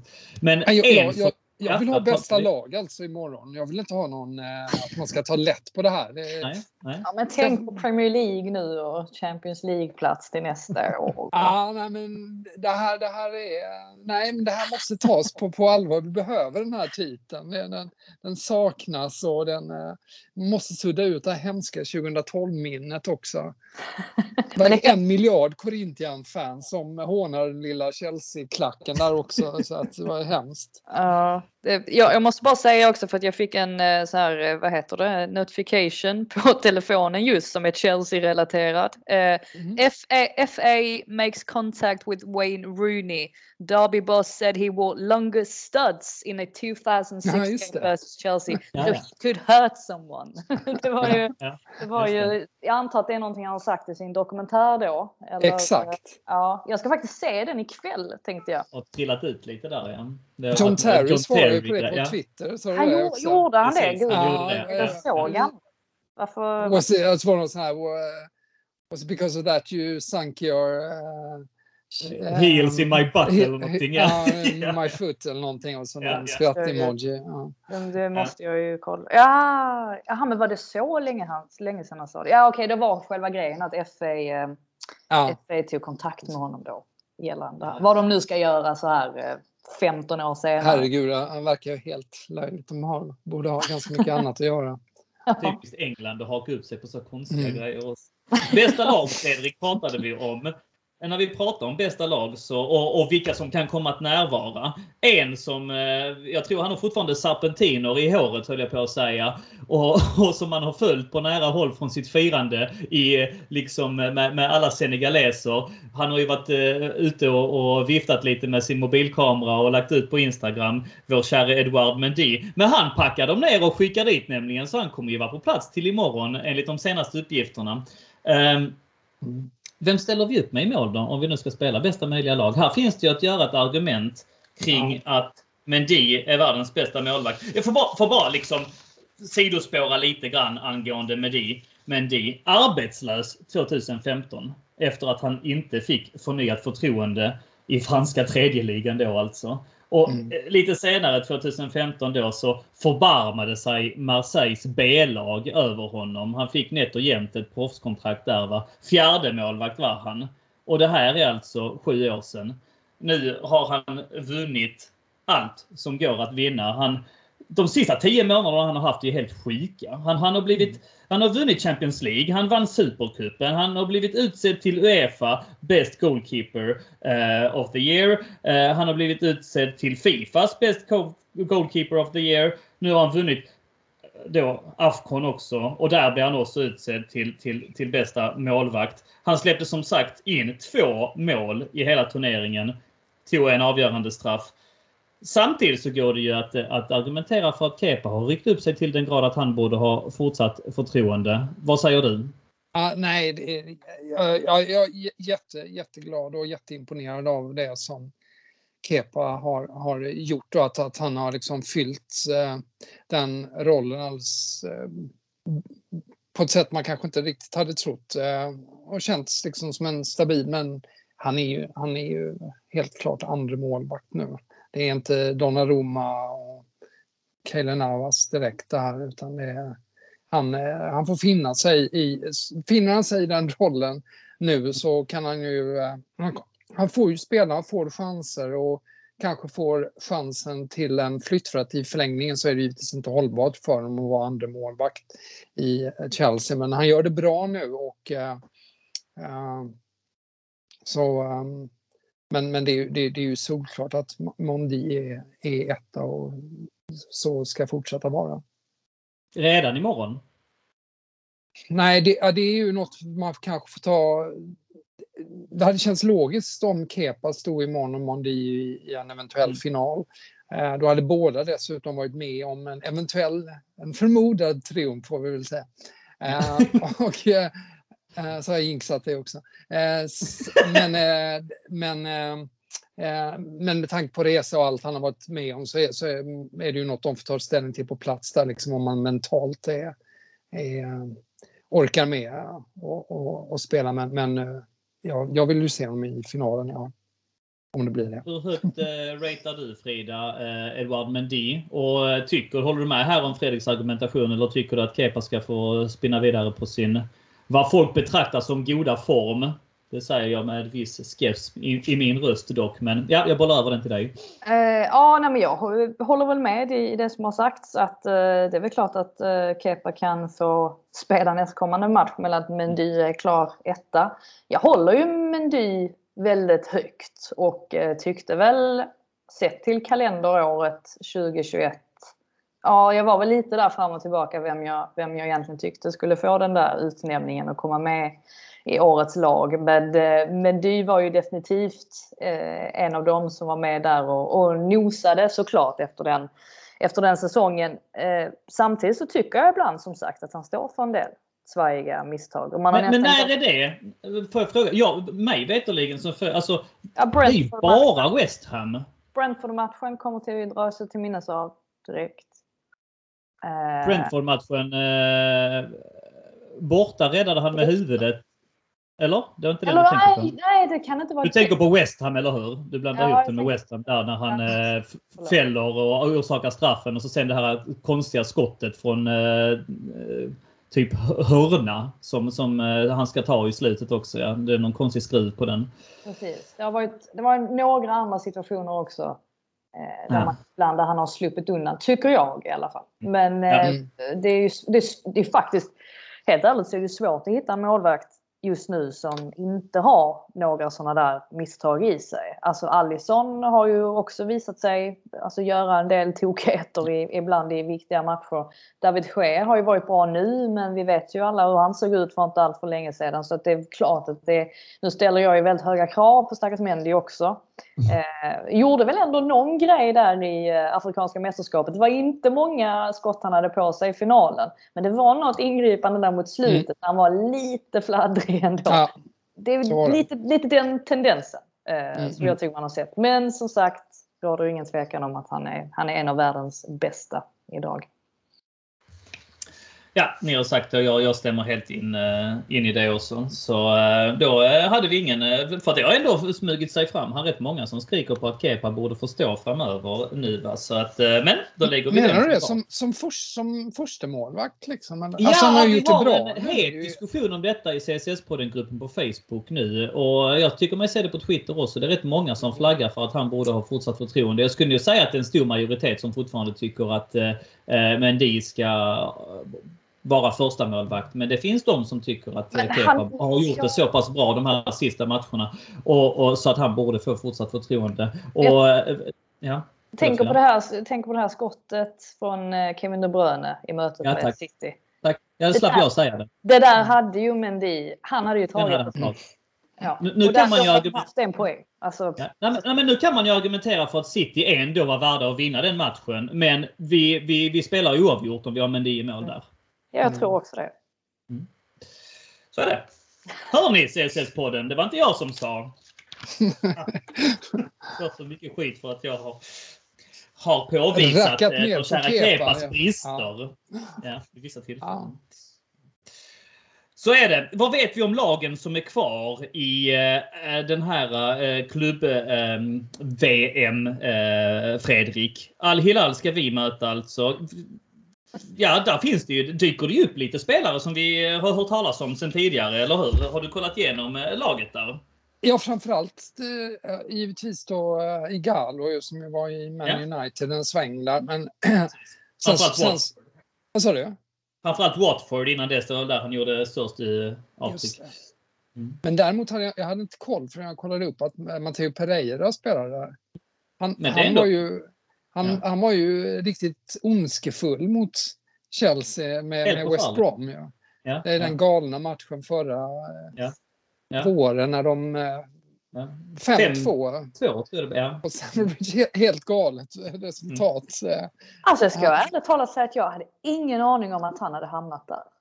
Nej, nej, inte jag. Jag hade inte heller koll på att han var där. Jag, jag, fick, jag fick ju genast dåliga vibbar bara för att jag såg hans, ja. hans namn där. Men, jag var äh... på den matchen tror jag. Jo, det var jag. Ja, ja. ja. Herregud. Ja. Nej, Zolt uh, Low tog upp det idag på presskonferensen också att ja, jo då, vi känner till honom sådär så att uh, det var väldigt tydligt vad han, vad han menade. Uh, sen har vi en Moussa Marega också från Porto som uh, vi ja, just det. förra året också. Så att, mm. det är nog inte helt liksom bara gå ut och ställa av skorna i den här matchen. Nej, men, ja, nej, men det, det ska ju givetvis vara tillräcklig kvalitetsskillnad ändå. Men, men, Sa vi mot Plymouth också. Exakt. Sen har vi alltså som sagt Al Ali från Egypten och Palmeiras från Brasilien. De spelar just nu Fredrik. Vad stod det i den matchen sa vi? Ska vi kolla upp det lite snabbt? De, jag vet inte, 2-1 stod det till Palmeiras eh, innan i alla fall. Jag vet inte ja. vad det står nu. Ja. Men eh, det, det, är väl, eh, det borde vara de för, förstås som äh, tar sig vidare, äh, tycker man. Eh, jag hade tyckt det var kul med 2-0 blev det. Vad sa du? 2-0 blev det, matchen avslutad. 2-0? Aha, va? ja. så 2-1. Då blev, det var det ett underkänt mål. Just jag såg att det skulle vara VAR efter 25 minuter eller någonting. Ja, just det. Ja, uh, ah, okej. Okay. Ja, men det var synd. Jag då blev det brasserepris då alltså? Som... Ja, jag hade hellre sett Alali, och, eh, inte bara av sportsliga skäl, men också av uh, historiska skäl. Att det är det här, det är tio år sedan Port Said uh, katastrofen där på arenan när 72 av deras fans blev dödade, verkligen av... Eh, mm, ja, det var ju då 2012. Det var ju i början av februari också så att på något sätt hade man tyckt det var ganska fint om de hade gått bra för eh, Al-Ali. Det, är, det är ju ett otroligt publiklag eh, i Egypten. Så att, mm. Men äh, Palmeiras, äh, jag, jag, kan inte så mycket om dem. Däremot så har de ju ett av världens tio snyggaste klubbmärken tycker jag. Jag älskar deras ja. klubbmärke. Och, vi eh, posta i CSS-podden-gruppen. Det är grönt va? Ja, grönt och vitt med, med någon slags Ja, men det, det, det, de är snyggt formade. Det, det, är väldigt eget och mm, som bokstäverna är gjorda och allting sånt. Jag vet de hade en omröstning i Marka för något eller några år sedan där, där deras klubbmärke också vann. Och Ally för övrigt blev trea, minns jag också. Men, men äh, ja, nej, jag, jag, jag, kan så mycket. Det är ju ett, ett, bra brasilianskt lag, men äh, ja, vad heter han, Dodo, eh, så jag hade varit ute och trodde att de skulle spela hem det nu. De har ju också misslyckats med det tidigare. Så att, eh, de, eh, det är ju som sagt stort, eh, stort eh, som tusan där, den här finalen som de då har tagit sig till. Vi får se. Vi får se. Det hade varit gött med en titel. Frida tycker vi ska fokusera lokalt. Eh, hon är inte bias i detta, inte alls mån om sin eh, produkt här och försvara. Jag representerar bara mitt, eh, mitt bostadsland, eller vad säger man? Ja, ja. Jag hör dig. Men Frida, vad tror du om Chelseas säsong framöver? Så tar vi den sista pucken nu. Vi vet ju att ligan är körd. Men fjärdeplatsen är väl säkrad. Dessutom är man ju i final i ligacupen. Vi har ju pratat om detta som Chelsea i en nedåtgående spiral och, och man har sjabblat bort det sa vi inledningsvis. Men jag menar, ja, ligamässigt. Vi är fortfarande i final i ligacupen, vidare i FA-cupen, hyfsad lottning i Champions League. Vad säger spåkulan? Ja, alltså Chelsea mår ju bättre än Man United i alla fall. Så mm. långt, så mycket kan man ju konstatera. Jag, jag tror att man, att man nådde sin botten där under december, januari. Jag, jag tror faktiskt att det kommer bli mer stabilt framöver, särskilt då om man får tillbaka lite spelare också som Reece James och sådär på sikt. Eh, enda frågetecknet är väl fortfarande eh, Marcus Alonso, att han väl inte riktigt har någon ren ersättare och ja, Malanga, Nu har vi Kennedy. Ja, jo, absolut. Eh, in med honom. Det var säkert jättebra. Eh, Malangsar Fan, klav, klavde inte riktigt av den här vänsterbackspositionen direkt eh, heller. Så att, Lewis Hall då? Jag fick... ja, faktiskt. Alltså det, Han det var ju lite överraskande från ingenstans. Ja. Eh, Men eh, honom vågar de inte satsa på riktigt. Eh, Nej. De är inte riktigt färdiga nu. För...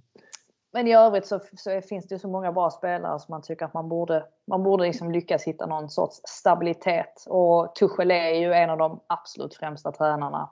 Eh, Så att jag tror nog att eh, han kan rida ut den här eh, vågen. Så länge han är på god fot med styrelsen han arbetar för så brukar det ju gå Mm. ganska bra faktiskt. Och det mesta som kablas ut tyder på att det är just det han är faktiskt. Och att de Mm. Men blir, bli- blir han kvar om de eh, missar titel och missar en fjärde plats? Ah, inte missa fjärde plats. Grejen är väl med det att jag har så svårt att säga att det skulle hända. Men, eh, men händer det? Ja, potentiellt kan det väl bli så då. Men vem ska de ta in då? Undrar man. Ja. Det, är också, det börjar bli svårare och svårare att få en sån där topptränare. Eh, kolla bara på United återigen. Eh, Mm. Så att, ja. Benitez är kontraktslös. ja, säkert jätteattraktiv just nu. Frida, ska du eh, se ligacupfinalen?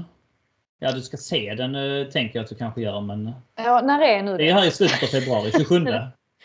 Eh, ja precis, för det, det är för långt. Jag planerar min, alltså mina dagar, det är liksom, jag planerar ja, men högst så här tre dagar innan vad jag ska göra. Eh, så att den här veckan har jag koll på vilka matcher jag ska gå på. eh, så att vi får se, det lär väl antagligen bli, bli så eh, att jag kommer vara på plats. Denna veckan ska jag faktiskt på, ja, förutom, det blir ju Tottenham, väldigt mycket Tottenham nu ju på grund av Dejan Kulusevski. Så Tottenham onsdag, Liverpool torsdag, Chelsea Women mot Arsenal på fredag. Mm. Eh, och sen blir det Tottenham igen på söndag. Så att det blir, Mm. eh, det blir en hektisk vecka här med mycket fotboll. Andra Det låter raka jobbigt. utsålda matchen för övrigt eh, för Chelseas damer. Ja, fast det där, du, det där vet inte jag. Nu, jag var på matchen nu förra helgen också, eller i helgen, mot Man City. Och den matchen var inte utsåld. Fast Jaså, för det, den gick de ut med att den var utsåld. nästan en, en hel sektion som var tom. Ja, Så jag vet inte riktigt hur de, hur de räknar. Intressant. Eller Arsenal-räkning kanske. Ja, Ja, med bara jag antal Jag biljetter. fattar inte om det har med säsongskort att göra eller vad det är. Att det kan vara så att det är många som kör på säsongskort bara för att stötta damlaget så går man inte dit. Jag vet inte men eh, Reserv- fullt var det inte. det, det, det, det, Sånt där kan ju vara lite... En del kör ju på det med reserverade eller eh, ja, precis säsongsbiljetter eller Mm. och inte på hur många som de facto är där. Så det kan ju vara så där. Intressant, visste jag inte. Men Fredrik, det här kan ju bli en eh, riktigt bra säsong för Chelseas herrar, eller hur? Alltså om vi då bortser från att ligan är körd och att vi ändå... Jag tror också att det är osannolikt att vi inte skulle ta fjärdeplatsen. Men man hade ju kunnat vinna VM för klubblag, vinna ligacupen, gå långt i Champions League och då blir det väl ändå en hyfsad säsong, eller hur? Det är ju inte för mycket att säga att det är ganska mycket som står och väger här i februari Ja. när du både har eh, klubblags-VM nu, du har ligacupfinalen och du har Mm. eh, Lille Champions League. Eh, Mm. Det här kan ju vara avstampet till, eh, till en fantastisk säsong och det kan vara liksom, det kan vara den här man faller på något sätt. Men visst, ja, eh, när det gäller ligaplacering så, så det, känns det liksom självklart att de måste klara liksom en, en, en fjärde plats. Men, men eh, den här, den här eh, månaden är verkligen eh, eh, intressant ur det perspektivet.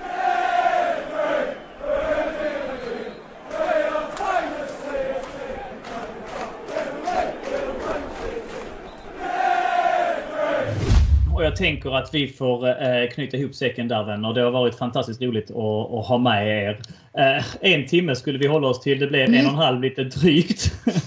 Tiden går fort när man har roligt. Vi kan konstatera att vi har mycket kul att se fram emot i alla fall. Förhoppningsvis eh, då avancemang i semifinalen imorgon. Idag är det alltså tisdag när vi spelar in det. Vi spelar semifinal imorgon och så sen då final klockan två på lördag. Konstiga tider när det är där borta i Förenade Arabemiraten. Och som vi snuddade vid här avslutningsvis också. Chelseas damer spelar alltså seriefinal på fredag. efter att ha vunnit en extremt tät match alltså som Frida Fagerlund var på mot City i helgen är man bara två poäng efter Arsenal med en match mindre spelad dessutom. Och på fredag gör alltså Londonlagen upp i en het batalj. Missa inte den. Men Frida, hur mycket... Alltså, du kan du får ju klona dig själv. Hur mycket kan du dedikera dig åt alla lag i en liga och dessutom hålla koll på damerna också? Hinner du med allt? Nej, det går inte. Eh, men jag har blivit...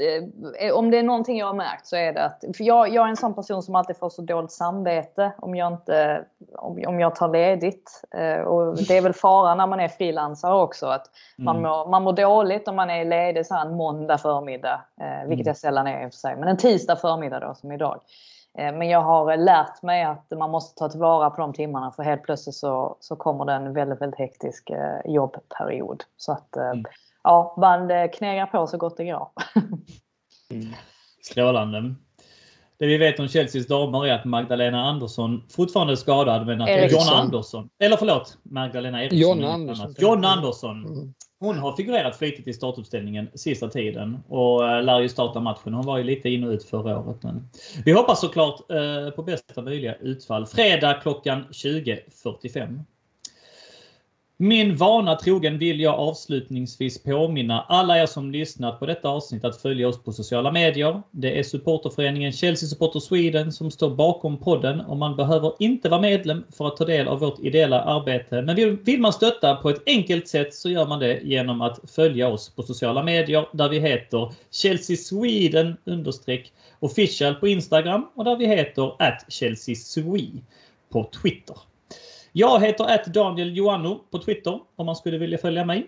Men jag twittrar bara när jag är riktigt glad eller när jag är riktigt sur har jag märkt. Så att man måste underhålla de där följarna mellan varven också. Eh, eh, ja, och, det är Fredrik Pavlidis och Frida Fagerlund väldigt bra på. Fredrik heter att Fred Pavlidis på Twitter och Frida heter att Fagerlund Frida. Och dessutom har Frida ett Instagram där man ibland får hänga med på pressläktaren och där heter hon @ffagerlund.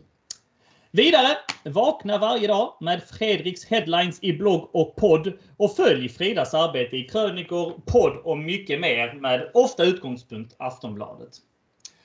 Och visst är vi en enda fotbollsfamilj så jag måste ju också rekommendera ett besök på vår hemsida på Svenska fans. Det är alltså svenskafans.com England Chelsea där man kan läsa artiklar, matchrapporter, krönikor och info om supporterklubben och vårt arbete. Och om du lyssnar på podden och inte ännu blivit medlem i CSS-poddengruppen på Facebook så kan jag varmt rekommendera det också. Jag har skickat iväg en vänförfrågan till Frida Fagerlund och så fort hon accepterar den, pik, pik, pik, så kommer jag bjuda in henne till den gruppen får vi se ifall de kanske också svarar på den här tråden där vi lägger ut det här avsnittet. För att där kan man diskutera avsnitten, trådar, matchtrådar och mycket mer med likasinnande. Och det som är så bra med den gruppen är att man skriver med sina riktiga namn. På det sättet så får man bort mycket rötägg ska jag säga. Vi i CSS-podden är tillbaka inom kort för att föra podden vidare. Och med det sätter vi punkt. Stort tack för att du har varit med igen Fredrik. Tack. Visst har det varit kul? Mycket. Ro, rolig, det blir bra dynamik att vara eh, tre stycken och, och sen så ha någon så bra som Frida som är på plats också. Det, ja. var kul. Ja, det var, jätte, det var jätteskoj. Eh, tack för att jag blev inbjuden. Ja, det är verkligen vi som tackar Frida för dina insights och inputs och, och eh, bakom kulisserna. Nej, det har varit eh, extremt roligt att du ens hittade tid för detta i din späckade kalender. Vi känner oss mycket hedrade. Förhoppningsvis så kan vi få välkomna dig tillbaka någon gång igen i framtiden. Ett sista rungande tack går till dig som lyssnat. Tack, tack, tack! Vill du så droppa gärna en kommentar i CSS-podden-gruppen på Facebook för att diskutera avsnittet eller bara skicka en hälsning eller skriva något peppande. Det uppskattas alltid. Var snälla mot varandra där ute i Chelsea-Sverige så hörs vi snart igen. Carefree och up the Chels! Tack kära vänner!